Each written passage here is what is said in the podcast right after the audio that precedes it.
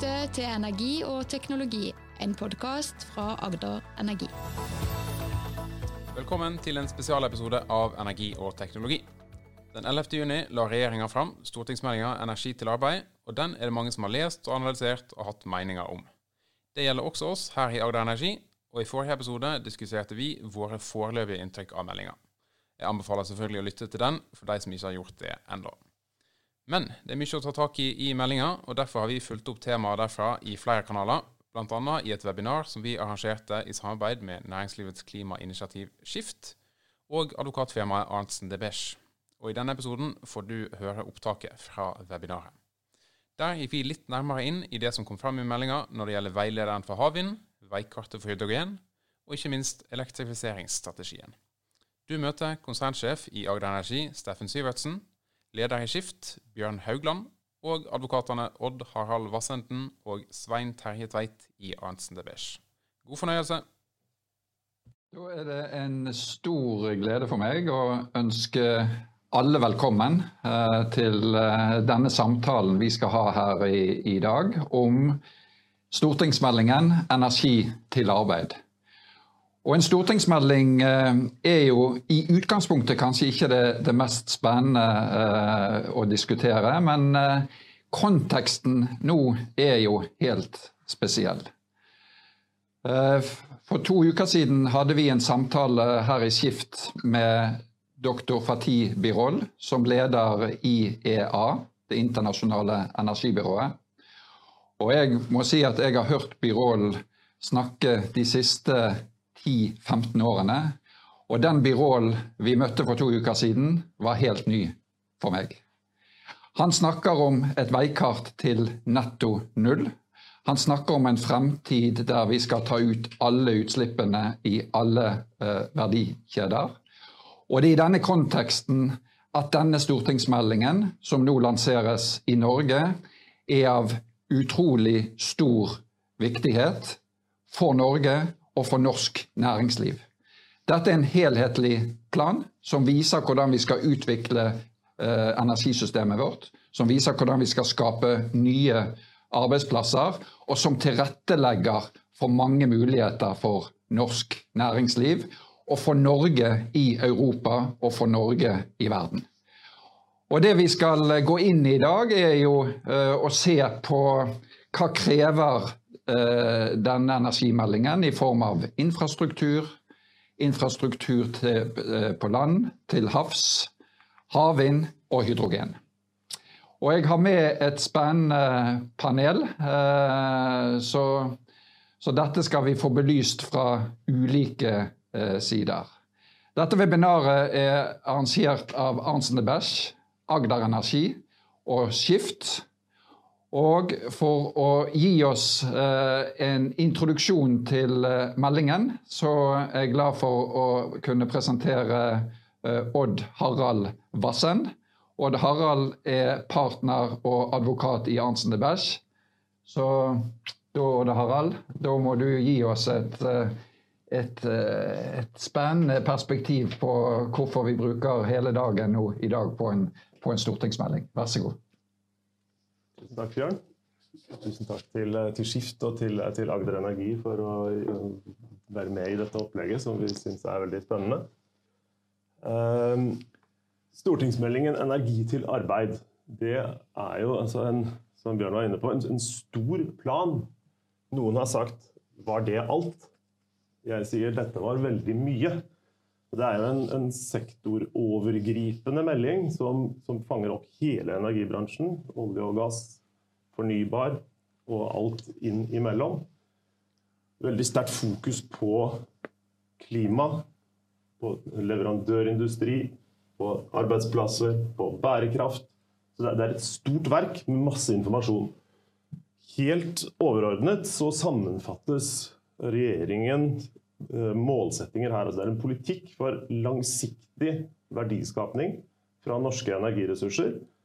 De deler det opp i fire målsettinger, og vi er helt overordnet. Det er verdiskapning som gir grunnlag for arbeidsplasser i Norge. Det er elektrifisering som skal gjøre Norge grønnere og bedre. Det skal etableres nye, lønnsomme næringer. Og det skal, som punkt fire, videreutvikles en fremtidsrettet olje- og gassnæring innenfor rammene av klimamålsettingene. Det er mye på en gang. Uh, og det er klart vi kan bruke, Nå skal vi være ganske raske i denne innledningen og heller komme ned i, i, i materien gjennom samtale. Helt overordnet så kan man trekke frem noen, noen hovedtema i, i, meldingen. Elektrifisering er et veldig sentralt stikkord. Hvor regjeringen da gjør en, en bransjemessig gjennomgang av mulighetsrom, arenaer for videre elektrifisering. Særlig da på land, men, men naturligvis også av olje- og gassindustrien, som, som, gjøres til en separat drøftelse. For å få til dette så er det veldig mye informasjon og gode drøftelser i meldingen om kraftbalansen, om betydningen av infrastruktur, altså alt dette som må være på plass eller utvikles videre for å få til elektrifiseringsmålene. Og som ledd i dette, bl.a. med kraftbalanse, så identifiseres det også store muligheter for ytterligere utvikling av kraftproduksjon. Et annet hovedtema er, i, i samsvar med målsettingene, eh, å utvikle norsk leverandørindustri for å gjøre dem klare for et grønt skifte, altså konvertering av den tradisjonelle leverandørindustrien i petroleumsvirksomheten. Mer detaljerte, men store, viktige tema er da utvikling av en havvindsindustri. Så kommer det et veikart for hydrogen, som vi kommer til å, å komme litt inn på i dag. Det tales om CO2-håndtering, fremtidig utvikling av en virksomhet for mineralutvinning på havbunnen, og selvfølgelig en omfattende drøftelse av olje- og gassnæringen. Før vi begynner å snakke, så er det greit å ha med seg bare litt altså, Man er jo jurist. Og hva, altså, hva er en stortingsmelding i en juridisk kontekst? Det er jo rett og slett en melding, og ikke noe annet. Det ligger ingen forslag til vedtak i denne meldingen. Det betyr i prinsippet så kan Stortinget si tusen takk, putte den i skuffen. Uh, nå har det vært positive Eh, politiske signaler tvers igjennom, egentlig. Eh, med naturligvis enkelte nyanser til denne meldingen. Så man må forvente da at det som vil være neste storting, tar denne opp til debatt. Da kan Stortinget selv komme med såkalte anmodningsvedtak, hvor man tar ut enkeltelementer av meldingen og sier 'vær så snill, regjering, nå må dere jobbe med dette'. Debatten vil også kunne gi oppspillspunkter til regjeringen for konkrete forslagssaker som regjeringen da vil arbeide med på egen hånd. Um, I tillegg til meldingen så, har det blitt tatt et viktig, mer håndfast initiativ. Det er da at det er nedsatt et såkalt hurtigarbeidende utvalg som skal arbeide med utvikling av infrastrukturen på land. Altså hvordan man raskere og mer effektivt og hensiktsmessig kan utvikle kraftnettet. Det er i motsetning til meldingen som er generell, et konkret tiltak som presumptivt vil, vil uh, resultere i konkrete forslag. I tillegg, og viktig, på siden av meldingen så ble det samtidig fremlagt uh, forslag til endringer i havenergiloven, havenergiforskriften, samt en veileder til de tekstene. De er nå sendt på høring med en frist til, til uh, eh, 20.8, så her må folk være oppmerksomme. Eh, helt kort om det. Eh, så tas det da nye skritt i den helt tidlige fasen mellom at områdene ble åpnet i fjor sommer, og før første melding fra interesserte konkurrerende aktører kommer inn. Så Der detaljeres det ut en, en prosess som har vært uh, av gode grunner etterlyst av bransjen. Det vil vi også komme noe inn på. Helt sentrale punkter her er at, at regjeringen legger opp til en auksjonsprosess for bunnfaste installasjoner. Der anser man altså at teknologien er moden nok til at man kan sette i gang direkte på bunnfast. Derimot for flytende vindkraft så tar man et annet perspektiv, at her trengs det videre teknologiutvikling og støtteordninger. Så Det er et ganske sånn tydelig skille på det. I tillegg så har man eh, med interesse merket seg at Statnett vil bli utpekt som systemansvarlig også for infrastruktur til havs. Jeg tror jeg skal stoppe der, jeg, Bjørn. Flott. Det er, eh, det er mye å snakke om, og det skal vi komme tilbake til her. Tusen takk så langt. Og så er det sånn at dere som ser på, hvis dere har noen kommentarer eller spørsmål til det som uh, Odd Harald uh, gikk igjennom, så skriv det i chatten. Og så har vi litt tid på slutten der vi vil ta inn uh, spørsmål som, som, dere stiller. Så da er det en stor glede for meg å, å introdusere neste innleder. Det er konsernsjef i Agder Energi, Steffen Syvertsen. Og Steffen, når jeg eh, følger med på dere, så, så, virker det ikke som dere helt tar på en måte denne meldingen bare som en eh, som Odd Harald sier, en stortingsmelding som kan legges i skuffen. Dere bygger batterifabrikker. Dere, eh, dere ser muligheter i denne meldingen. Fortell oss litt mer om, om hva dere ser.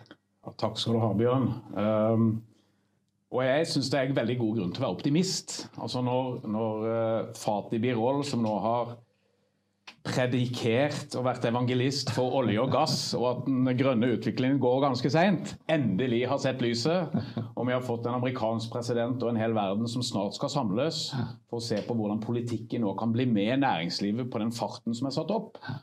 Og vi har fått, som Odd Harald forteller oss, en energimelding som gir god grunn til optimisme, hvor vi virkelig har både regjering og jeg tror også andre, mange av de andre partiene de ønsker at Norge skal bli en del av det grønne skiftet. For det er jo på et vis betryggende når vi nå legger fram en melding som det er. Og jeg tror det er veldig viktig, selve tittelen på meldingen, det at vi skal gjøre omstillingen på en måte som gir arbeidsplasser og verdiskaping i landet vårt. Mm. Eh, og gjøre oss i stand til den omstillingen som både verden og Norge trenger for at vi skal skape en god framtid for mine barn og våre barn og våre barnebarn. Det er jo det som er målet vårt. Eh, og vi ser jo at hele verden den endrer seg i veldig høyt tempo nå. Endelig, kan vi si. For vi har jo sett ønska det lenge. Det har blitt mye større bevissthet på kort tid. Det er i hvert fall min vurdering. Og det er nå vi må handle for å møte klimatrusselen. Og det her behovet, det gir oss muligheter. Og det, denne omstillingen det er en kjempeutfordring. og det er, Vi, vi satt før webinaret starta diskuterte litt utfordringene med å få fart i en del både av teknologi og andre områder hvor kompleksiteten og umodenheten fortsatt er ganske stor. Men Norge er veldig godt posisjonert. Vi har Europas best utbygde kraftsystem. Vi har trolig Europas laveste systemkostnader, altså hvor mye det koster å betale for å koble seg på nettet. Og vi har åpenbart den mest fornybare kraftproduksjonen i hele Europa. Visste dere det? Det er ikke sikkert. Ehm, og ikke minst så har vi en lønnsom kraftsektor som er en stor verdiskaper i seg sjøl. Og det er jeg glad for å se i meldingen, at nå ses òg det vi tidligere har kraft, kraftbransjen, men vi kaller oss jo for fornybare aktører. Og mange av mine kolleger de melder seg på nå, både på havvind og batterier. Eh, det er jeg veldig glad for, fordi vi sitter på en kompetanse om et veldig komplekst energisystem som er en del av løsningen for å lykkes. Og Det og det jeg tror, Bjørn, er noe av årsaken til at mange store internasjonale aktører som tidligere ikke tenkte på Agder Energi eller BKK eller Lyse når de skulle bygge ut storskala havvind, de ser at de trenger noen som forstår eh, den lokale politikken, det lokale energisystemet, og som sitter på verdifull kompetanse. Så det er jeg veldig glad for. Eh, og min jobb det er jo å være konstruktivt utålmodig. Og som Odd Harald sier tidligere her, så sier han jo at dere må ikke forvente for mye av en stortingsmelding, for det er ikke et konkret utkast til retningslinjer. Men skal vi lykkes med å bygge ut havvind, som uansett kommer til å ta nesten ti år, fra vi setter i gang arbeidet til vi har valgt ut hvem som skal bygge, fått regulering og nettløsninger på plass, så må vi faktisk være raske nå. For ellers så kommer vi i bakleksa. Fordi Danmark, Tyskland, England, Nederland, Sverige, mange av våre nærmeste naboland, de er kommet enda et skritt lenger. Veldig mange av de. Så det gjør at det er viktig å være litt utålmodig. Derfor liker jeg jo navn som hurtigarbeidende utvalg. Eh, og vi får håpe at det blir hurtigarbeidende, og at det blir veldig raske, konkrete tiltak. For det er jo sant at i stortingsmeldinger så kommer det ikke penger. Det kommer ikke vedtak. Og vi har et nytt valg snart som gjør at vi Det vet jo ingen av oss, men det kan jo være vi får en ny regjering. For en annerledes regjering enn den vi har i dag. Og da er jo òg de store politiske kompromissene utrolig viktige. For forutsigbarhet for de som skal investere store summer på land eller til havs, er helt sentralt for å få tak i kapitalen, faktisk. Og Vi kommer tilbake til noen av de her temaene i diskusjonen etterpå. Og Det kanskje mest konkrete i denne meldingen det handler jo om havvind. Og For meg så er det kanskje også det aller mest spennende. Eh, og sammen med veilederen for havvind, som gjør at vi begynner å få litt mer oversikt over hvilke kriterier som skal gjelde, hvilke type aktører som kan melde seg på. At det blir et auksjonsbasert system hvor det er de mest konkurransedyktige som skal vinne. Ja, det kommer en del sånne eh, kommer noen slipp fra, fra, byråkratene og Olje- og energidepartementet allerede. Og Det er åpna opp to arealer for havvind. Sørlig Nordsjøen 2.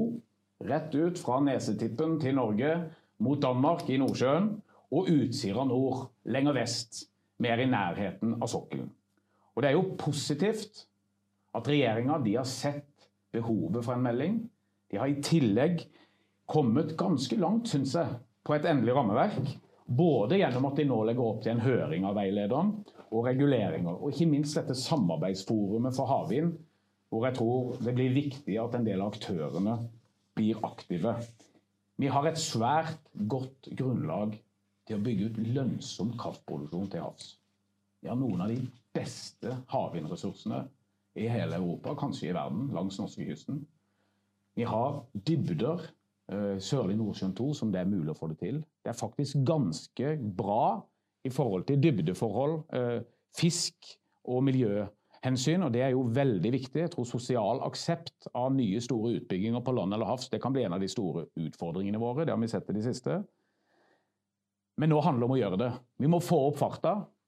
Og jeg er jo jeg er skikkelig fotballinteressert. Og Når jeg ser på EM nå, og vi har et norsk landslag som ikke er med, så kan jeg liksom legge det litt over til, eh, til, det fornybare. Vi må melde oss på. Vi må komme oss videre fra kvalifiseringa, sånn at vi kan være med på å ta oss videre til åttendedelsfinalen, sånn som både Sverige og Danmark gjorde i går kveld. Så Det gleder jeg meg til å være en del av i tida som kommer. Så bra. Jeg bare blir eh, skikkelig inspirert og optimistisk når jeg eh, hører dine perspektiver. Og, og dette er jo et kappløp også. Um, og For noen uker siden så, så jeg igjen den her uh, Amundsen-filmen. Uh, den siste som er laget. og, og, og der lille Norge da, med, med, med, internasjonale motstandere i forhold til å nå pol, polene, klarte å komme seg først frem fordi vi ville. Og, og når jeg hører du, du legger frem dette, så, så, så etterlyser du også den viljen men så får jeg også en følelse av at den viljen fins i næringslivet. Fins blant aktørene. Og, og, det er dette kappløpet vi nå skal, eh, skal gå inn i. Og Så nevner du havvind som, eh, som, et spesielt fokus. og Da tenkte jeg at da er det en fin anledning til å introdusere sistemann i panelet, eh, Svein Terje Tveit. Også advokat og partner i Arntzen Bæsj. Um, og jeg vet at du, Hvis vi nå dukker litt ned i, i, i havvindproblematikken og energimeldingen, så er det noe i meldingen som skiller mellom det, si, det bunnfaste uh, og det flytende. Uh, der noe kanskje ikke trenger så mye hjelp og støtte, og noe trenger mer støtte. Fortell oss hva, hva, hva den skillelinjen er. Ja, det er jo som du sier, et klart skille der. og For å bruke EM-parallellen, EM som Steffen er også glad i fotball, så det er jo en veldig bra parallell å bruke. De største ligaene de har jo en veldig god finansiering. De har jo penger i bunn. Eh, og Det blir utrolig viktig. og det der med å få fart, altså nå, nå er det veldig mye bra i denne stortingsmeldingen og i veikartene. Men, men for at det skal skje fort nok, så må vi åpne verktøykassen. og Da er statsstøtte et av de virkelig store virkemidlene. og I hvert fall for de umodne industriene. og Så får jo eh, mine ekspertkolleger her å kommentere om det er grunn til for å ha et så skarpt skille mellom bunnfast og flytende. Men i hvert fall det en legger opp til på flytende med, med finansiering, da må en bruke den statsstøtterettslige verktøykassen. og Den er jo stor. altså Vi har sett det i i petroleumsnæringen, hvor en har et petroleumsskattesystem som jo ikke er statsstøtte, altså helt utenfor regelverket. Eh, og vi vet fra for tidligere, Nå ble det et spørsmål for, for EFTAs overvåkningsorgan, men vi vet f.eks. at det er gitt 110 milliarder, eller 110,5 for å være helt presis, milliarder i leterefusjon. Det er jo et støtte, det er et virkemiddel for å få fart og for å få andre aktører inn i norsk leiting etter olje og gass den type virkemidler og den type størrelse på virkemidlene tror jeg en trenger på, på flytende havvind og for så vidt på bunnfast. Ja. Hva tenker du rundt det, Steffen, rundt den inndelingen? Det, det trengs vel også teknologiutvikling på, på Budfast? Ja, det gjør det. og hvis, jeg, hvis, vi løfter oss litt opp fra selve havvinden, men hva er det vi har behov for i landet vårt, så er det jo mange arbeidsplasser. Uh, sannsynligvis så forsvinner det 100 000 arbeidsplasser i olje og gass de neste 20 åra hvis vi skal gå mot et nullutslipp. Det kan i hvert fall skje. Ja. Uh, og da må vi jo ha nye arbeidsplasser òg. Og jeg tror at uh, havneutvikling, leverandørindustri, vedlikehold av vindmøller, uh, teknologi for overvåking En hel rekke områder hvor teknologi òg kan utvikles i Norge, også for det bunnfaste. Så jeg mener jo at når det skal være en ren auksjon i i Sørlig Nordsjøen 2, så bør det være noen kriterier som gjør at vi tar med oss norsk leverandørindustri. Mm. Sånn som f.eks. danskene jo har klart veldig godt. Mm. Og så kan de òg levere løsninger til mange andre områder i verden ja. enn de to vi har. Ja. Men det er ikke tvil om at det er Utsira Nord som skal ha den flytende Der er det jo veldig tydelig at det er den flytende havvinden skal være. Der er det jo veldig store muligheter for ja. spennende norsk teknologiutvikling. Og, og det betyr at det er veldig mange som er interessert i å ta del i den utviklingen på havvind? Og Hvordan ser egentlig dette regulatoriske bildet ut nå?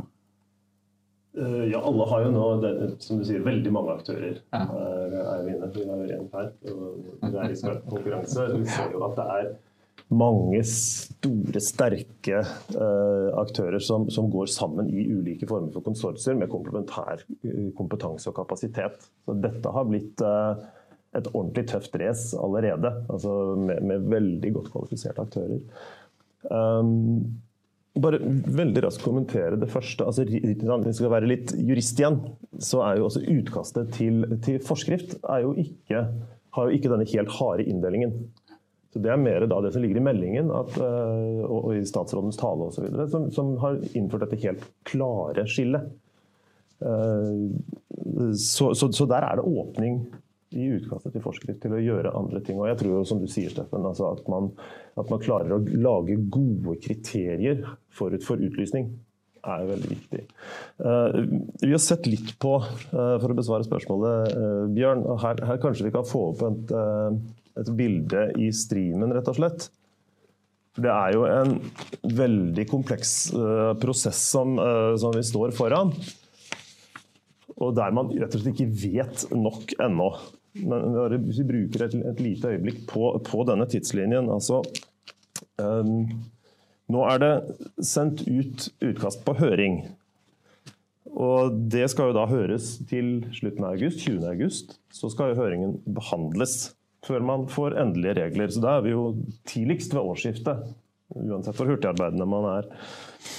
Og så skal det deles inn i områder. Nå antar jeg at denne linja er på skjermen også, så vi kan gå litt raskt frem. Altså man, skal, man skal inndele i mindre områder, og de skal utlyses. Og Gjennom den utlysningen så kommer jo også kriteriene. Og Da står, da står jo uh, departementet egentlig fritt til å stille opp hvilke kriterier f.eks. For, for teknologi og teknologivalg, teknologiutvikling, som, som man velger som en nærmeste kvalifikasjonskrav for å være med i, i en konkurranse. Så er det da kriteriene. Skal man gå for en auksjon, eller skal man gå for en rent kvalitativ konkurranse om de gode teknologiske løsningene og valgene. Ehm, alt dette tar jo også tid. Jeg har notert at statsråden sier at de første områdene skal lyses ut i Q1 22. Det er jo eh, i min bok litt optimistisk, men er kanskje en problemorientert fyr. Eh, et viktig wildcard Steffen er utålmodig, da. Ja, så dere må bare pushe.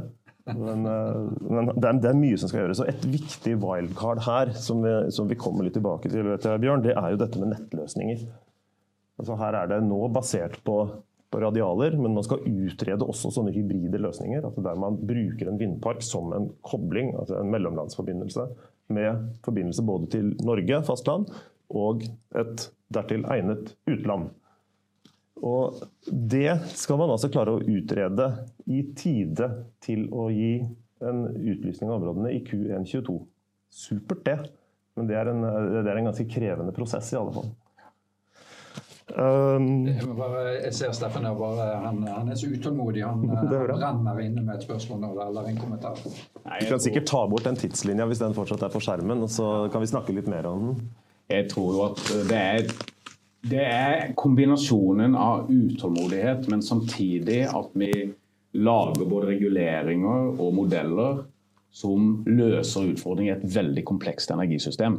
Det betyr selvfølgelig at vi må få nok tid, eh, spesielt fra myndighetenes side, til å gjøre det skikkelig. Eh, samtidig som vi passer på at vi gjør det i samarbeid med andre. Og eh, Vi kan jo bygge ut storskala norsk havvind uten subsidier hvis vi kobler oss sammen med markedene rundt oss. Og Gjør vi ikke det, så blir det ikke lønnsomt uten subsidier. Eh, og Da kan vi utnytte fleksibiliteten i vannkraften vår samtidig. Eh, og Det er jo det som er fantastisk. Vi kan da få billig strøm inn når det blåser i Nordsjøen. Eh, vi kan bruke vannkraften vår når ikke det blåser i Nordsjøen. For å stabilisere prisen for norsk ny grønn industri. Så Jeg tror jo dette er en vinn-vinn-situasjon for Norge. Fordi at vi har den fleksibiliteten som hele verden egentlig mangler. Eller i hvert fall mange store deler av den. Som de nå skal løse med batterier og hydrogen og, og andre former. Syns du dette er i tilstrekkelig grad dekket i energimeldingen? Nei, altså kompleksiteten i dette, og det tror jeg heller, det tror jeg heller ikke var, var ambisjonen, ja. uh, gjør jo at detaljnivået ikke er godt nok på nett ja. enda. Men det at de sier at det skal være en hybrid løsning, det at de sier at det skal være et uh, et system der vi kobler oss sammen med både havvindparker og andre nasjoner rundt Nordsjøen, det er jeg veldig positivt til. Men Odd Harald, jeg vet jo du er, du er over middels interessert i infrastruktur. Eh, liksom, eh, eh, perspektivet i dette. Og, og, det som Steffen sier, at her må vi bygge et solid grunnlag. Bygge sten for sten. Nå er, Statnett utpekt som systemansvarlig. Men hvem er det egentlig som skal eie og bekoste denne infrastrukturen? Det er fortsatt åpent. Uh, morsomt at du spør. Jeg, jeg kastet inn et privat uh, hørings, en høringsuttalelse om akkurat det spørsmålet da denne begrensningen i eierskap for mellomlandsforbindelser var på høring her uh, for et halvt års tid siden. Og, og, og Da var jo poenget at dette må Statnett i utgangspunktet eie. Men her er det da gjort et unntak. Og Det tror jeg er viktig. Det betyr ikke at Statnett ikke kan, og kanskje endog bør, mener jeg, eie dette. Men hvis Statnett eier det, så er det i realiteten oss og alle dere der ute som bekoster dette gjennom en sentralnettstariff. Uh, og, og, eh, Departementet tar jo det helt motsatte utgangspunktet. Dette skal være utbyggerfinansiert, utbyggereid. Og utgangspunktet er at det skal være radialer. Det starter jo der, Steffen, fortsatt. Det, men, men, igjen, hvis, hvis, man skal inn og by i et konsortium, så må man jo vite dette. Kan man, altså kan man bygge et bud på en slik hybridforbindelse? Det er jo helt avgjørende for hvordan et bud vil se ut, og kanskje også om man i det hele tatt går i konkurransen. Så dette må utredes tidlig. Eh, det er jo helt åpenbart. Men, men hva tenker du da er viktigst nå for departementets arbeid fremover? Jeg er veldig glad for at både NVE og Statnett får sentrale roller her. De har erfaring med å bygge ut nett. De har erfaring med de komplekse problemstillingene som kommer. Eh, og så er det klart at Når en skal gi et bud, et auksjonsbasert bud på å bygge vindparken, så må en jo vite om en skal bygge nett eller ei. Ja. Eh, en må vite hvordan inntektsmodellen ser ut. Hvis en skal finansiere nettet selv, så må en jo få en del av inntektene. Og sånn som det er nå, så er jo flaskehalsinntektene på de forbindelsene vi har til andre deler av Europa, de er jo veldig høye. Eh, og da kan det jo være hensiktsmessig at en, det kan jo være hensiktsmessig at en stor del av det går til fellesskapet. Det syns jeg jo. Ja. og her må, vi, her må, vi, jobbe, og det blir veldig spennende nå når det skal for Sannsynligvis så gir de jo ikke konsesjon med en gang, men de velger noen som de går videre med uh, i den eksklusive tildelingen først. Og så må man jo samarbeide da, ja. med de nye aktørene som blir utvalgt, og Statnett uh, og sentrale myndigheter for å finne den beste løsningen. Um, det jeg liker veldig godt, uh, hvis en tar et litt nasjonalt perspektiv, det er jo at de norske kraftaktørene de er med nesten i alle de ulike syndikatene som nå byr inn. Ja. Så når Ørsted kommer til Norge, eller når eh, RVE kommer til Norge, ja, så gjør de det sammen med norske aktører. Ja. Og Det er jeg positiv til. Eh, det betyr at konkurransen blir hardere, men det tror jeg òg betyr at vi, vi, får en større påvirkning eh, fra norske eh, kraftaktører. Og det skaper flere arbeidsplasser her hos oss. Så det er veldig bra. Så flott. Svein Terje, hva tenker du rundt det med departementets arbeid videre nå fremover på på det med infrastruktur? Nei, det er jo, Staten har alltid brukt eh, sterke finansielle virkemidler når det gjelder infrastrukturbygging. og Her er det jo utrolig viktig å få mye penger tidsnok. Eh, og der er det, eh, det, det er et stort handlingsrom til å, til, til å, handle. Det ene er jo på en måte EØS-avtalen forbyr jo ikke Det er jo ikke et absolutt forbud mot støtte. Det er bare et utgangspunkt om at det i utgangspunktet er forbudt. Og hvis det er statsstøtte, så må det godkjennes. Men der er det jo kanskje i forhold til infrastruktur kanskje tre ting som er viktig å peke på. Det ene er jo dette handlingsrommet til å støtte prosjekter av common interest, som det heter på godt norsk. North Connect, som disse mine herrer ved siden av meg her var eh, sterkt interessert i, det er jo et eh, common interest-prosjekt. Og så er det jo det som, snakket, som mange har snakka mye om, og som er viktig i dette arbeidet, det er jo det som kalles for IPSEI, altså Important Project of Common European Interest. Som er noe litt annet. Vi snakket om det at vi må snakke menneskespråk nå. Nettopp. ikke sant? Og det er jo, og jeg visste at du kom til å si det, Bjørn. Eh, og, og, og de, to, de, to, må holdes litt fra hverandre, men det er da prosjekter som er viktige for, for Europa, som har en strategisk betydning for Europa. Poenget her det er at disse IPSEI-prosjektene da, Jeg får lov til å bruke ordet, da, unnskyld meg.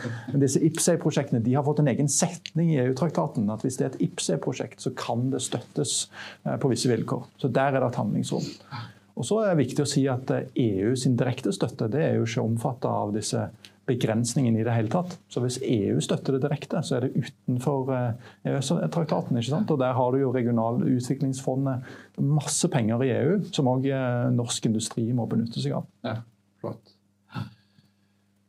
Var, var du helt ferdig med tidslinjen din?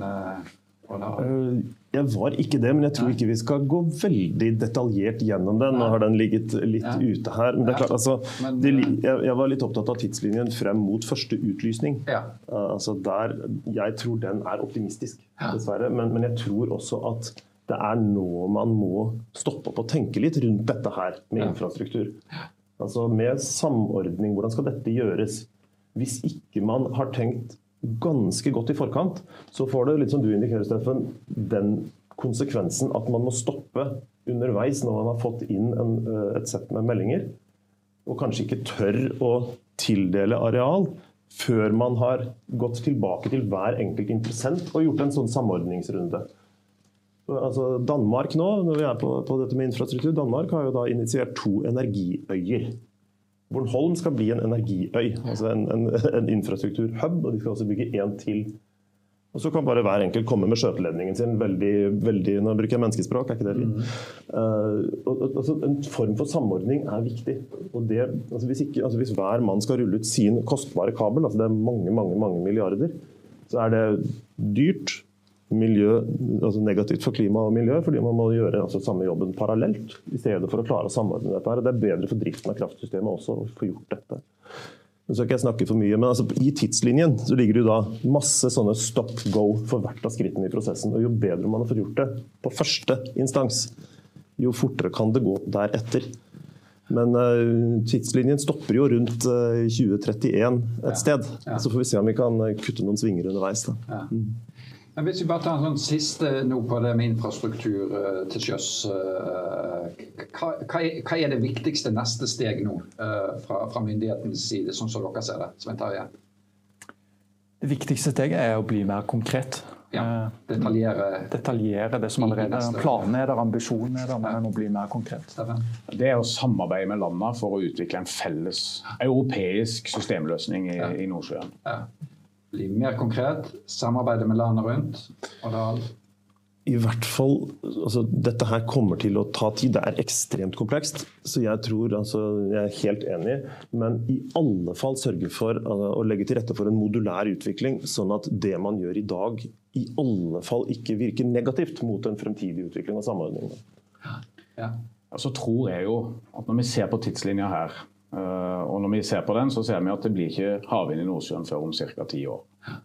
Jeg mener jo da bør en utvide uh, omfanget på de havvindområdene. Uh, helt konkret så mener jeg Sørlig Nordsjøen 2 bør det utvides til det dobbelte, fra 3 til 6 gigawatt. For det er så mange aktører som melder seg på. Ja. Er ikke det bra? Jo. Og så, Da kan enda flere få en tildeling nå.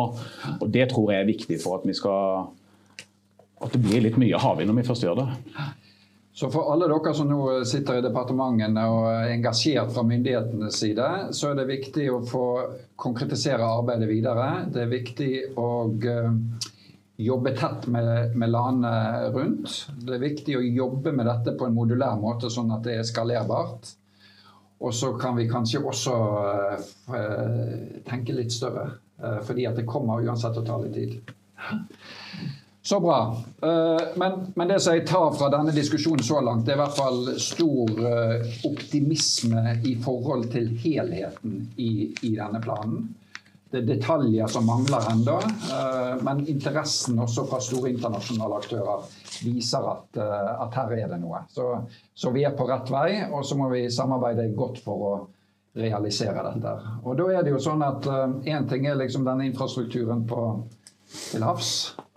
Eh, men det henger vel også sammen med hva vi gjør på land, Steffen? Ja, det gjør det. Og... Og eh, jeg vet jo du har holdt elektrifiseringsflagget både høyt og lenge. Så, så, så, hva må vi på en måte gjøre på infrastruktur på land for å få dette her til å, til å spille sammen? Jeg tror vi har en vi har en mye raskere vei til mål på land. Ja. Eh, fordi som jeg innleda litt med her, så har vi et av Europas mest robuste kraftsystem, altså nett, allerede. Det kunne vært enda sterkere i enkelte steder av landet, det jobbes det jo med. Eh, det kunne vært enda sterkere overføringskapasitet mellom de ulike delene av landet. Men totalt sett så sitter Norge på et veldig sterkt kraftnett, og de setter også på et godt regionalnett. Altså fra det sentrale nettet som Statnett har ansvar for, og ut til regionene. Og Hvis vi finner den rette måten å gjøre det på, sånn at vi kan identifisere de stedene hvor vi allerede har sterkt nett, ja.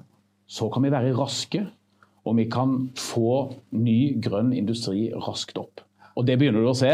Vi var ganske tidlig ute med, med Morrow og fant Arendal som et veldig godt sted for det. Og Nå er det jo nesten hver uke i Dagens Næringsliv. Så er det en ny batterifabrikk eller ammoniakkproduksjon eller en annen type industri som ønsker å ta i bruk den fornybare kraften i landet. Så det er jo flott. Men, men, men, men gjøres det nok, føler du? Altså er, for det er vel også snakk om her et eh, vi, vi snakket om, om, om det hele energiomstillingen som et kappløp. Vi er ikke i isolasjon. Det, er, det, foregår masse på batterifabrikker her, men det gjør det jo i resten av Europa og Asia. Så, så spørsmålet er føler du at vi eh, beveger oss raskt nok? Nei, Nei, jeg gjør ikke det. Uh, og Her er det jo lete etter kan vi, kan vi gjøre noe som går ganske raskt uten å måtte endre på all regulering og rammeverk som allerede ligger der. Ja. Uh, og Det vil være min utfordring til det hurtigarbeidende utvalget òg. Ja. Finne de konkrete tiltakene som gjør at vi kan gjøre noe raskt. Og jeg tror at hvis vi, hvis vi ga, uh, altså ikke ga, men hvis vi forskutterte en del av de kostnadene for å utvikle industritomter og få knytta det til nettet, ja. og se på de andre kriteriene som man trenger for å ha gode industritomter, så ville vi fått mye ny grønn industri. Ja. Siva kunne vært et verktøy. De har jo, utvikla næringstomter før. Ja. Uh, og da kan de på selvstendig grunnlag bruke Statnett og regionale nettselskapene for å identifisere de beste stedene i landet. Da tror jeg vi kunne hatt ti nye industritomter i løpet av tre år. Mens når store internasjonale aktører kommer til Norge i dag, kommer de til Agder Energinett, og nå kommer jo veldig mange. Og jeg vet at den nye Statnett-sjefen hun, hun, sier det samme. altså Vi, har, vi, har fått, vi ble veldig overraska. Det er så mange nå som etablerer ny industriproduksjon. Ja. Og så får de beskjeden. Men det tar nok syv år. Ja. Til vi har utreda, fått gitt konsesjon og til alt er på plass. Ja. Og da reiser de et annet sted. Så der ligger det en klar, klar utfordring, egentlig. Men, men i, i, i, hele tiden i et veldig sånn positivt perspektiv. da. Og Det virker som på en måte mulighetene ligger her, og det virker som også at europeiske og asiatiske aktører også ser at, at disse mulighetene ligger der.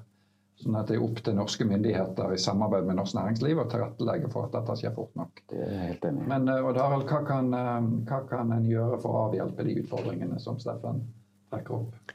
Det skal jo dette hurtigarbeidende utvalget heldigvis besvare. Nei, vi kan ikke besvare. Men, eh, nei, altså jeg jeg, jeg syns jo Steffen har veldig interessante eh, betraktninger rundt det. Altså, det var et tall Jeg har eh, lest denne meldingen litt opp og litt ned. Det var et tall her som jeg festet meg altså, Statnett har behandlet Siden 2018 så har Statnett behandlet 18 700 megawatt i altså forespørsel.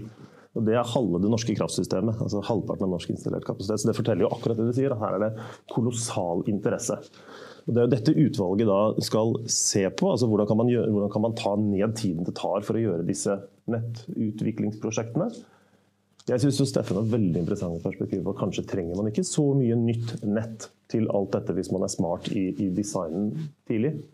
Eh, men da må Statnett og, og de regionale nettselskapene på banen til de grader. Men det, der, det, tror jeg er et veldig interessant spor, som selv om utvalget har fått et visst sånn mekanisk mandat her, så det er ikke noe problem for en, en flink jurist å fortolke dette inn i det mandatet. Uh, og Et av elementene også her er jo å forsøke å sortere realismen i, i, i uh, disse forespørslene. Altså jeg tror ikke vi får et, et, et, altså en og en halvgangeren av installert kapasitet, eller behov for det, på, på kort sikt. og Det er jo også noe som da pekes på. Altså, hvordan skal man gjøre dette godt uten å måtte overinvestere til noe som allikevel ikke kommer på plass. Det er, eh, det er stort potensial med, med, den kompetansen som ligger i nettselskapene også. Men Sven Terje, det høres jo det høres jo litt sånn, hvis litt, litt, litt lettvint, det høres litt dyrt ut, det som uh, Steffen peker på. Det er dyrt, og så er det jo som, som, eh, de var inne på, det er jo et kappløp mellom land. altså ja. Man nevnte til Danmark. Det er jo ganske interessant. Danmark var det første landet som hadde sånn eh, bruker det uttrykket igjen da, passer meg, men IPSEI-prosjekter. Øresundbrua. Eh, Nederland er veldig frampå. Eh, fått godkjent statsstøtteordninger som gjelder differansekontrakter.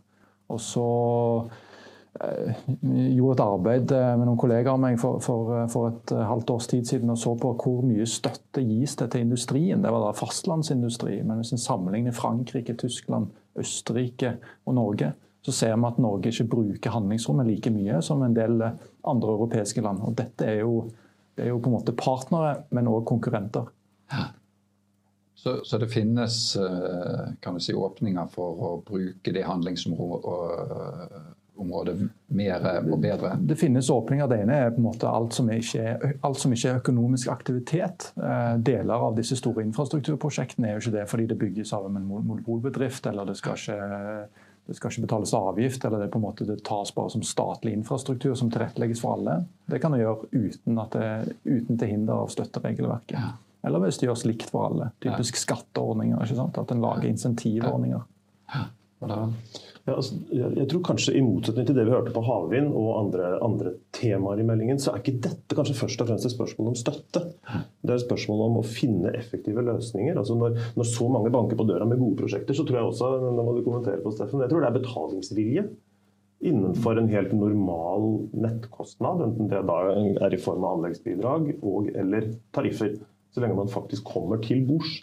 Eh, så jeg tror at de normale regulatoriske modellene der kan brukes. Så skal dette utvalget da også se litt på, litt på eh, tilknytningsplikt og den typen ting. Men, men jeg, jeg, tror vi kommer langt med de normale modellene hvis vi skrur opp farta. Det er jeg helt enig i. Og jeg tror vi skal passe oss for å ikke gjøre det til en regional konkurranse. For da kommer vi til å tape. Ja. Da er det andre områder i Europa som får bygd ut dette. Hvis vi krangler om det skal ligge på Innlandet eller på Sørlandet. Det vi må gjøre, det er å finne de beste stedene i vårt land. Ja til å bygge ny industri. Og Den erfaringen vi hadde når vi gikk ut til alle kommunene på Sørlandet vi vil etablere en batterifabrikk sa vi, på Sørlandet. Og de er til og med eierne i konsernet vårt. Og sa vi nå skal dere konkurrere, og vi kommer bare til å ha ett eneste kriterium for valg. Det beste stedet for den batterifabrikken. Og når eh, konkurransen hardna til og, de, liksom, det ble mer krevende, så og til slutt vi valgte Arendal, så var jo jeg vel som, som konsernsjef med disse eierne veldig spent på hvordan ville de reagere på det. Men den positive entusiasmen som er skapt i en hel region, både fordi at de nå tror de skal få en batterifabrikk, og det tror jeg de kommer til å få. Eh, og De ligger veldig godt til rette for det i Arendal. Og kommunen der har gjort en fantastisk jobb i rask regulering, kjøp av tomter og tilrettelegging av vei. Men hva mer har skjedd? Jo, de andre 18 stedene som meldte seg på i konkurransen, de har sett at de har mulighet til å utvikle næringstomter. Noen av de har sett at de er nærhet til havn, de har nærhet til nett.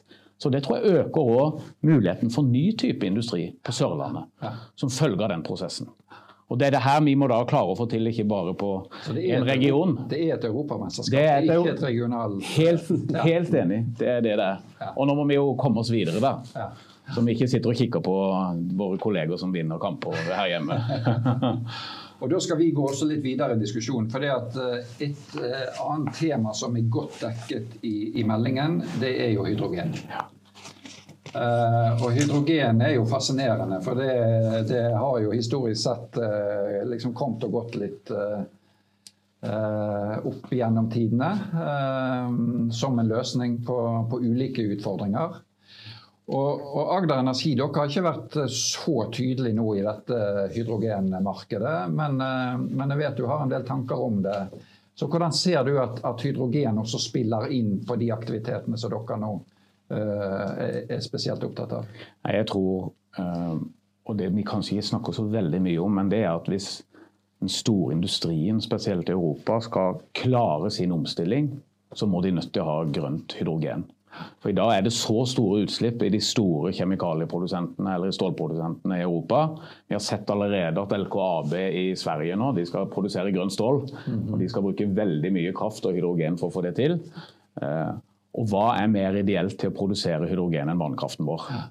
Vi produserer kraft 8760 timer i året, altså hele tiden. Hvis vi kan koble det sammen med havvind og få billig kraft i perioder hvor det blåser mye, så er vi et veldig godt sted for å produsere hydrogen. Men det krever nasjonale samarbeid. Eh, Tyskerne, som har, som har store ambisjoner på, på hydrogen, de har satt av 10 milliarder euro cirka til det. Og så har de sagt at 2 milliarder euro ønsker de å bruke på hydrogenproduksjon utenfor Tyskland. De har snakka mye om Midtøsten og Afrika, men når du ser på kartet og vet at vi sitter på vannkraften, så tror jeg vi som aktører, norske myndigheter, vi må snakke òg om det grønne hydrogenet, ikke bare om det blå, om gass og olje, eh, inn i, i, eh, hos tyske myndigheter. For de tror ikke helt alle helt vet hva vi sitter på, og hvilke muligheter de har hos oss. Men, men det er vel sånn at EU sin eh, grønne giv er, er ganske sånn tydelig på at det er det grønne hydrogenet de er spesielt opptatt av? Det er det ikke tvil om. Ja. Så På lang sikt så er det sånn. Så kan det jo være at, at blått hydrogen kan brukes i overgangsperioden for å få ned Altså For det grå hydrogenet det har jo større utslipp enn det blå. Hvis vi får til CCS og, og utslippsreduksjoner. Så de er jo ikke helt fremmed for at det kan være en overgangsperiode. Men løsningen, det er det grønne. Ja, og det, det er den løsningen som også er skalerbar i hele verden, egentlig, som en teknologi. Men eh, Svein Terje, det, i, i forhold til meldingen så var det jo store uh, forventninger til dette veikartet for hydrogen. Det var det. Og da, Og, og hva, er, hva er dette veikartet? Nei, det er jo eh, litt som, som mine kollegaer har eh, sagt tidligere, så er det jo en melding. Det er jo ikke, det er jo ikke, det er ikke noe vedtak. Eh, og det, men det, skal være et veikart på alle fasene. Teknologi, produksjon, distribusjon og bruk av hydrogen. Hvordan kommer en fram egentlig A til Å? Hvordan kommer en fram til målet? Og Så bygger du videre på hydrogenstrategien som vi fikk i fjor. Og, og Noe av det som vi, vi var litt kritisk til på hydrogenstrategien, var jo at den var så generell. Den kom jo samtidig som EU sin strategi. Og EU sin strategi den pekte jo på eh, hadde jo klare mål for så mye installert kapasitet skal vi ha, så mye produksjon skal vi ha. Den norske hydrogenmeldingen var jo litt mer vi skal få det til, men vi vet ikke helt hva vi skal få til. Eh, Så der er jo veikartet nå tydeligere. Eh, Det er satt noen mål. Vi skal, det er satt mål om at vi skal ha én til to store industriprosjekter. Eh, de- snakker om fem knutepunkter for maritim transport. Eh, Og de snakker om ti, ti pilotprosjekter for teknologiutvikling. Så det er jo en mer konkretisering av det vi så. Og så bare for å spille videre på det du sa da, med, med, med partner, sånn, og Tyskland, så er litt interessant at den, eh, EUs hydrogenstrategi pekte jo på landene i sør. Pekte jo på Ukraina og pekte på nabolandet i sør. Pekte ikke på Norge. Så der har vi jo, Det er viktig å få opp det der veikartet og bygge videre på det og konkretisere det enda mer. Og vise hvor Norge, at Norge skal være med da, i EM. Og, og, og hvordan er det blitt mottatt i bransjen, Steffen? Jeg tror vi, det er på, på samme måte som havvind, at vi syns at retningen er veldig riktig. Eh, Jeg tror at litt som vi har gjort på, på, elbiler i landet vårt. Vi har blitt et laboratorie. Og nå ser vi jo at ladeteknologi og eh, infrastruktur og veldig mye, det, det, begynner å eksporteres. For det vi har fått det til her. Og vi har lagt til rette for at bilprodusentene har hatt et marked å teste seg i. Kanskje vi kan gjøre det samme på hydrogen. Det er jo det meldingen legger opp til. Eh, det som jeg syns det står for lite om der, det er den internasjonale dimensjonen. Mulighetene som ligger i internasjonalt samarbeid når landene rundt oss sier at de trenger så mye hydrogen så et partnerskap med Tyskland, helt konkret, der vi utvikler den første storskala hydrogen- eller ammoniakkproduksjonen i et tett samarbeid med de. Både få tak i noen av de midlene de har, men ikke minst samarbeide om industriutvikling. Det tror jeg hadde vært veldig spennende. Det skulle jeg gjerne sett mer av. Ja, men, men, du nevnte det med, med laboratorium. Og, og uh, jeg er veldig opptatt av det. Uh, i, i, Skift så ønsker vi jo liksom å bygge Norge til det laboratoriumet. Og, og noen ganger så får jeg det jo liksom i, i fleisen at ja, men jeg ser denne norske elbilsuksessen. Den, den, har ikke ledet til, til, noe verdiskapning i Norge. Men mitt argument er jo hele tiden at, uh, at jo mer vi gjør innen ulike bransjer, jo mer liksom inspirerer vi hverandre. Uh, vi ser at det går der, og da kan vi gjøre andre ting der. Har du noen tanker rundt det? liksom uh, på, på, hvordan utviklingen innenfor um, elbiler har vært bidragsytende til det vi ser på maritim sektor. altså hvordan disse, disse ulike initiativene er med å, liksom, kryssgjødsle hverandre. Det er ikke lenge siden vi, det var en diskusjon i Dagens Næringsliv om hvilke to selskaper er det som har blitt unicorns. Ja. Det er ikke så ofte vi har hatt. Et av de selskapene er jo Cognite, som er eid av Aker bl.a. Og Det tror jeg vi har gjort mye mer av. altså Teknologiutvikling i nærhet til nett. I nærhet til ladeinfrastruktur. Vi kommer til å gjøre det på vannkraft. Og vi kan gjøre det samme på hydrogen. Uh, som kan eksporteres. Ja. Og Hvis du ser på i garasjen min, mine hjemmeladere, de selskapene som nå har utvikla løsninger for det, de er jo blitt ganske store. Ja. Og de kan eksportere det ut. Ja. Softwareløsningene, ladeløsningene både til Fortum og Statkraftselskapet Mer satser jo nå utover. Og så har de brukt Norge først. Så jeg tror ikke vi skal undervurdere eh, alle de andre selskapene som ikke driver akkurat akkurat med, med, med elbillading, men altså verdien av å være et laboratorium tror jeg er ganske stor. Ja. Og én ting er på en måte teknologien, men jeg tror en sånn viktig del av det er også det regulative kan du si, miljøet vi setter opp. Altså ja. Hvordan vi bruker regulering til å, å stimulere til dette. Der, der, er det jo foreløpig ingenting. Nei. Ei heller nå. Altså, det er vel lov å si at bransjen har vært litt skuffet over dette veikartet igjen. altså Man er litt mer konkret på målsettinger. Det har vært en skuffelse her knyttet til antall, f.eks. Altså disse knutepunktene. Der er det størrelsesorden 15 eller flere som er ordentlig på tegnebordet allerede. Uh, hvis det da begrenses til fem Men igjen, altså, det, det spørsmålet om støtte og virkemiddelapparatet er jo ikke fremme her nå i meldingen. Det er ingen nye virkemidler, det er liksom store ord, men fortsatt basert på det gamle. og Det er FoU-støtte, og ikke liksom prosjektrealiseringsstøtte i noe særlig skala ennå. Så, så, det blir jo interessant. Jeg, jeg tror at vi, vi, har bare i løpet av de siste to åra så har det skjedd noe i landet vårt. Altså, vi er, den, vi er den børsen i Europa som har flest noteringer innenfor grønn teknologi og grønne selskaper. Hvorfor har det skjedd? Hvorfor kommer de hit til lille Norge? Jo, det er jo fordi at vi har vist at vi tør å prøve. Vi har nye teknologiselskaper nå som utvikler seg, mange innenfor hydrogen. Ja, det kommer til å gå opp og ned. Noen lykkes og noen lykkes ikke. Men det er jo en knoppblomstring som ikke vi har sett her før innenfor nye grønne næringer. Det tror jeg skjer fordi at vi turte å prøve. Og Sånn tror jeg det skal være på hydrogen òg. Eh, ja, det er lett å sitte og si at eh, det tar lang tid og det blir vanskelig og krevende. Men nå er det mange som prøver, og at noen av de kommer til å bli den neste unicornen i landet vårt, det får vi håpe. Ok, Så det, det er det vi skal se etter nå. Veikartet fremover, eh, Odd Harald. Hva er, hva er prosessen nå? Uh, ja, dette er jo da en melding som vi har vært innom flere ganger. Jeg tror kanskje, dette har jeg ikke forutsetning for å spekulere for mye i, men altså det er snart valgkamp. Og jeg tror på en måte at, at, også regjeringspartiene sitter med litt mer sukker i posen, som ikke har kommet her.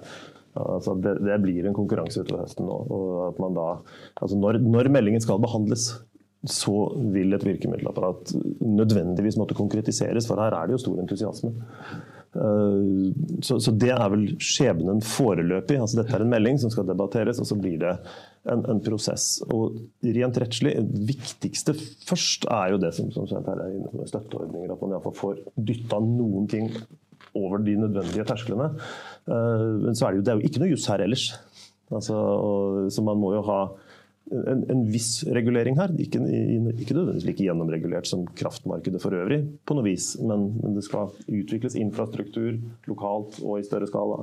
Det skal utvikles sikkerhetsrutiner for alt dette osv. Så, videre. så det er klart det er masse arbeid foran oss. Veldig spennende. Men Veikartet gir en retning, så blir det spennende å følge valgkampen òg. Flott. Da, da, er vi i ferd med å gå inn for landing. Men, men, det som jeg hører fra dere, det er jo det at det som i utgangspunktet hørtes litt kjedelig ut, altså en stortingsmelding om eh, energi til arbeid, det er faktisk en ganske helhetlig eh, melding eh, som, som, som, ser på energisystemet vårt i dag og peker retning fremover. Eh, som helt åpenbart må detaljeres ut. Eh, men som inne, innehar liksom en plattform for ganske mye, mye muligheter. Så, så, jeg har lyst til liksom bare utfordre dere helt sånn avslutningsvis. Uh, for de som nå sitter og, og, følger denne diskusjonen, for de som er, er litt nysgjerrig på å forstå mer av, av, denne meldingen, og ikke minst de som er opptatt av å, å gjøre det meldingen sier, altså å ta det fra energi til arbeid. Hva er de viktigste tingene dere ser nå uh, for norsk næringsliv, norske myndigheter, i de neste eh, seks månedene? Fordi at Når vi nå snakker liksom eh, ni år til 2030, så er det litt lenge. da. Så jeg har lyst til liksom, hva, hva er liksom What's next? Svein Terje først. Ja, what's next? Altså På statsstøtteområdet, og hvis vi avslutter med hydrogen, så var jo en sånn stor nyhet for statsstøtteentusiastene var jo at Norge ble med i dette IPSEI-prosjektet. ikke sant? Så Der vil jeg bare liksom henlede de som eh, lytter, egentlig gå inn på Enova sine sider. Dette blir jo, Mye blir jo styrt gjennom Enova-tildelingene. Eh, eh, les og få definisjonen på dette vanskelige ordet som er fletta inn i debatten. IPSEI. Hva er det, hvordan søker en, hvilke midler tilgjengeliggjøres, og hvordan er prosessen? Eh, og så tror jeg litt sånn tilbake til der vi starta, dette er et stort skifte. Altså Hvis vi ser på nasjonalregnskapet og hva Norge bruker penger på, så bruker vi 250 milliarder på olje og gass. Vi bruker 250 milliarder på bygg og anlegg, og vi bruker under 100 milliarder på fastlandsindustri og, eh, og for så vidt på energiinvesteringer. Så her må det flyttes fokus, og her må det flyttes, flyttes inn penger. og Da må vi eh, se på samarbeid og vi må se på de europeiske ordningene, og ikke tenke alene. Ja. Steffen?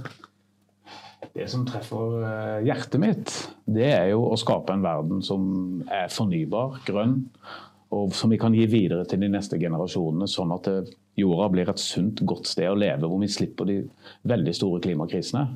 Hvordan skal vi gjøre det? Jeg tror vi veldig raskt, hvis vi lykkes med infrastruktur på land, kan bygge stor, ny grønn industri det trenger vi ikke vente med til 2030. Nei. Det kan vi gjøre nå. Ja. Uh, hvis vi bare får gjort satt oss sammen, myndigheter og aktører. For pengene er der, viljen er der, både politisk og i næringslivet. Det er jeg helt sikker på. Så gjelder det å finne, og det er en litt vanskelig vei, den veien som gjør at ikke vi ikke må ha de aller lengste politiske prosessene, men kan gjøre noe veldig raskt nå.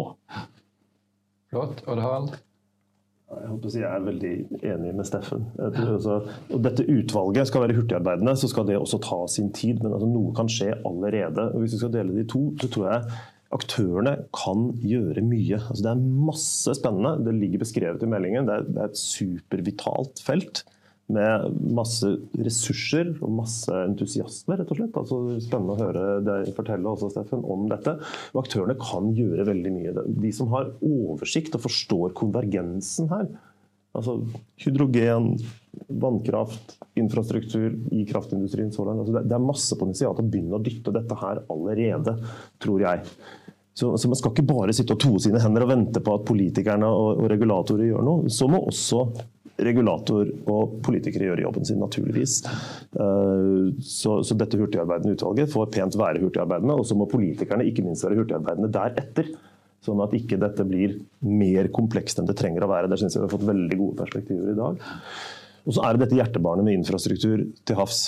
Altså, Sett i gang og tenk, og, men, men, ikke tenk for lenge. Jobbe, jobbe modulært og helhetlig. Ja. Det som jeg hører, det er infrastruktur havs. Sett i gang og tenk og jobb. Til lands, bare sett i gang. Der, eh, der trenger vi ikke vente, vente mer.